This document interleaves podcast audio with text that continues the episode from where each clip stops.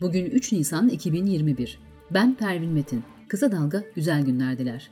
Özge Mumcu Aybars editörlüğünde hazırlanan Kısa Dalga Bülten başlıyor.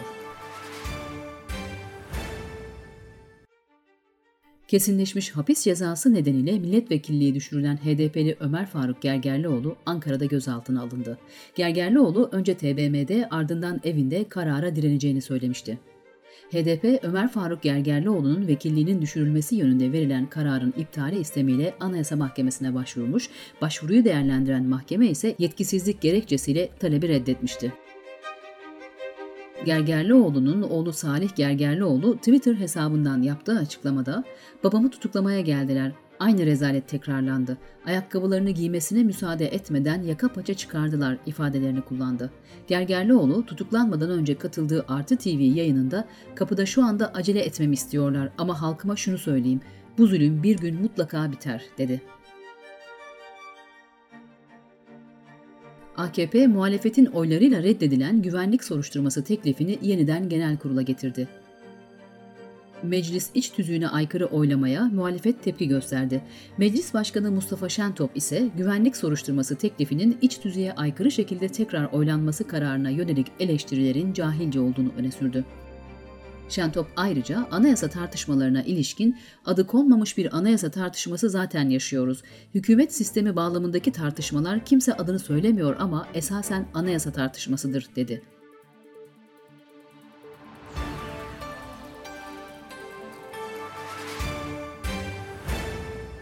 Görevden alınan Merkez Bankası Başkanı Naci Ağbal'ın 25 Aralık 2020'deki Meclis Plan ve Bütçe Komisyonu toplantısı tutanaklarına göre milletvekillerine yeni yol haritası konusunda verdiği briefingde dikkat çeken sözler söylediği ortaya çıktı. Tutanaklara göre Ağbal, bir sonraki sunumda Merkez Bankası'nın bütün faaliyetlerini yani döviz ve TL likitte yönetimine ilişkin konular da dahil olmak üzere çok daha kapsamlı bir sunuş getirmeyi istiyoruz. Bu konudaki hassasiyetiniz çok doğru bir hassasiyet. Bu konuya özel bir önem arz ediyorum, dedi.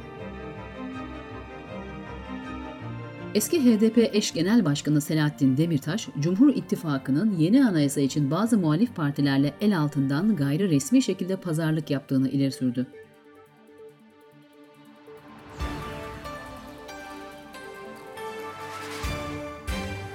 Boğaziçi Üniversitesi'ne Melih Bulu'nun atanmasına yönelik protesto eylemlerinde gözaltına alınan ikisi tutuklu 23 kişi hakkında açılan davanın ilk duruşması Kartal Adliyesi'nde başladı. Duruşmayı takip etmek isteyen milletvekillerinin salona girmesine engel olunmaya çalışıldı. Salon girişinde arbede yaşandı.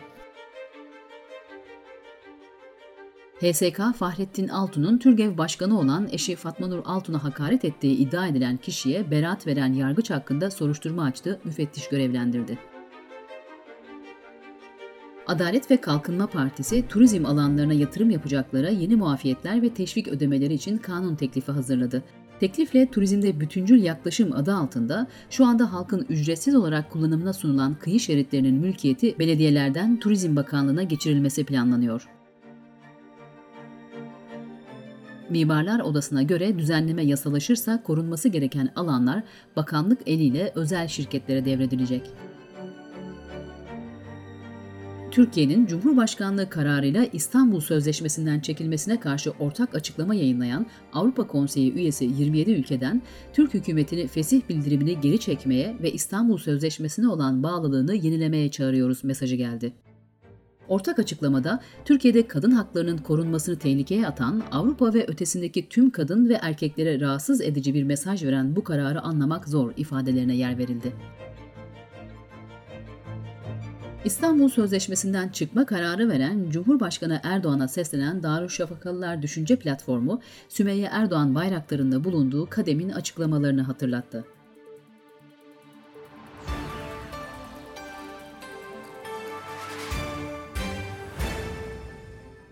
Kanal D'de yayınlanan Arka Sokaklar dizisi avukatların tepkisiyle karşılaştı. 61 baro diziyi Rütü'ye şikayet etti. Baro başkanları şikayet dilekçesinde dizinin 583. bölümünde avukatlara yönelik haksız ve çirkin muameleyle tahrik unsurunun bulunduğu, polis ve avukatların karşı karşıya getirilmek istendiği gerekçesiyle yayıncı kuruluş ve sorumlular hakkında idari yaptırım uygulanmasını talep etti.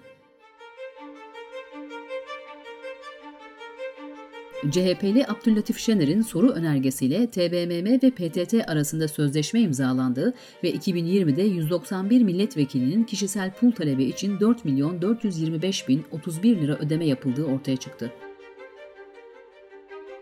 Cumhurbaşkanı Erdoğan ve İstanbul Büyükşehir Belediye Başkanı İmamoğlu'nu son ankette geçen Ankara Büyükşehir Belediye Başkanı Mansur Yavaş'a Cumhurbaşkanı adayı olacak mısınız sorusu soruldu. Yavaş, anket böyle diyor, hemen aday mı olmam gerekiyor veya halk beğeniyor diye ortaya mı çıkmam gerekiyor? Zaten böyle bir gündem yok, böyle bir hedefimiz gerçekten yok yanıtını verdi. Diyanet Din İşleri Yüksek Kurulu Tıp ve Sağlıkla ilgili Fetvalar isimli kitapta estetik operasyon yaptıranlar ve estetik cerrahlara ilişkin uyarılarda bulundu. Dünyada en çok estetik ameliyat yaptıran ülkeler listesinde Türkiye olmasına rağmen Diyanet'in kitabında estetik operasyonları için dikkat çekmek, daha güzel görünmek amacıyla yaratılıştan verilmiş olan özellik ve şekillerin değiştirilmesi İslam dininde fıtratı bozma kabul edilerek yasaklanmıştır denildi. Yeni Şafak'tan şaka gibi manşet. Guardian'ın 1 Nisan şakasını manşet yaptılar. İngiliz basın kuruluşu The Guardian'ın Süveyş kanalı ile ilgili 1 Nisan şakası Türk basınında gerçek haber gibi geniş yer buldu. İngiliz gazetesinin 1 Nisan şakaları özel bölümünde yayımlanan haber, Türkiye'de başta Hürriyet, Milliyet, Sabah gibi birçok internet sitesinde BBC Türkçe kaynaklı olarak gerçekmiş gibi sunuldu. Yeni Şafak gazetesi savaş erken çıktı manşetiyle çıktı. Haberde İsrail ve İngiltere bypass edecek kanal için harekete geçti ifadeleri yer aldı. Gazetenin internet sitesi haberi daha sonra sildi. Ekonomi haberleriyle devam ediyoruz. Tüm Emekliler Sendikası üyeleri 67 il ve ilçede sokağa çıktı. 8 milyon emeklinin açlık sınırının dahi çok altında kalan 2 bin liradan az aylık aldığını hatırlatan emekliler maaşlarına zam ve toplu sözleşme hakkı talep etti. Hazır giyimden mobilyaya, elektronikten plastiğe kadar birçok sektör zam hazırlığında. Tüketici fiyatlarında %30'luk bir artış bekleniyor. Birçok sektörde artan talebe bağlı olarak ham madde kıtlığı yaşanmaya başladı. Çip, sünger, yağlı tohum ve iplik gibi ürünlerde bu sıkıntı hat safhaya ulaştı. Özellikle aramalı ithalat maliyetinin artan kur etkisiyle çok yükseldiğini dile getiren sektör temsilcileri bu durumun son ürüne %30'u aşan zam olarak yansıyacağını belirtti. Cumhurbaşkanı Başdanışmanı ve Cumhurbaşkanı Ekonomi Politikalar Kurulu üyesi Yiğit Bulut, CHP Zonguldak Milletvekili Deniz Yavuz Yılmaz'ın kendisi için 3 ayrı maaş aldığı, derneklerden ve vakıflardan kazandıklarıyla birlikte toplamda aylık maaşının 200 bin lirayı bulduğu iddiasına karşın bunları ispatlayamayanlar şerefleriyle imtihan edilirler. Bunun ispatını kamuoyuna sunmak zorundasınız. Yeni bir dünya düzeni ortaya çıkıyor. Gelin bunu tartışalım, dedi. Yaklaşık 4 milyon kişinin faydalandığı kısa çalışma ödeneği 31 Mart itibariyle son buldu. Disk Genel Başkanı Arzu Çerkezoğlu kararın işsizliği büyüteceğini söyledi. Covid-19 haberleri Türkiye'de uygulanan koronavirüs aşılarına BioNTech aşısı da dahil oldu. İlk dozlar yapılmaya başlandı. Diyarbakır'ın Covid-19 haritasında rengi maviden sarıya döndü. DTO Başkanı Turan vaka artışına dikkat çekti. 1 Mart öncesi testlerin %3'ü, %5'i pozitifti, şimdi ise %18-20'si. Toplum sağlığı uzmanı Dr. Tomris Cesuroğlu, koronavirüs varyantlarının çocuklarda daha etkili olduğu şeklindeki haber ve paylaşımlara tepki gösterdi.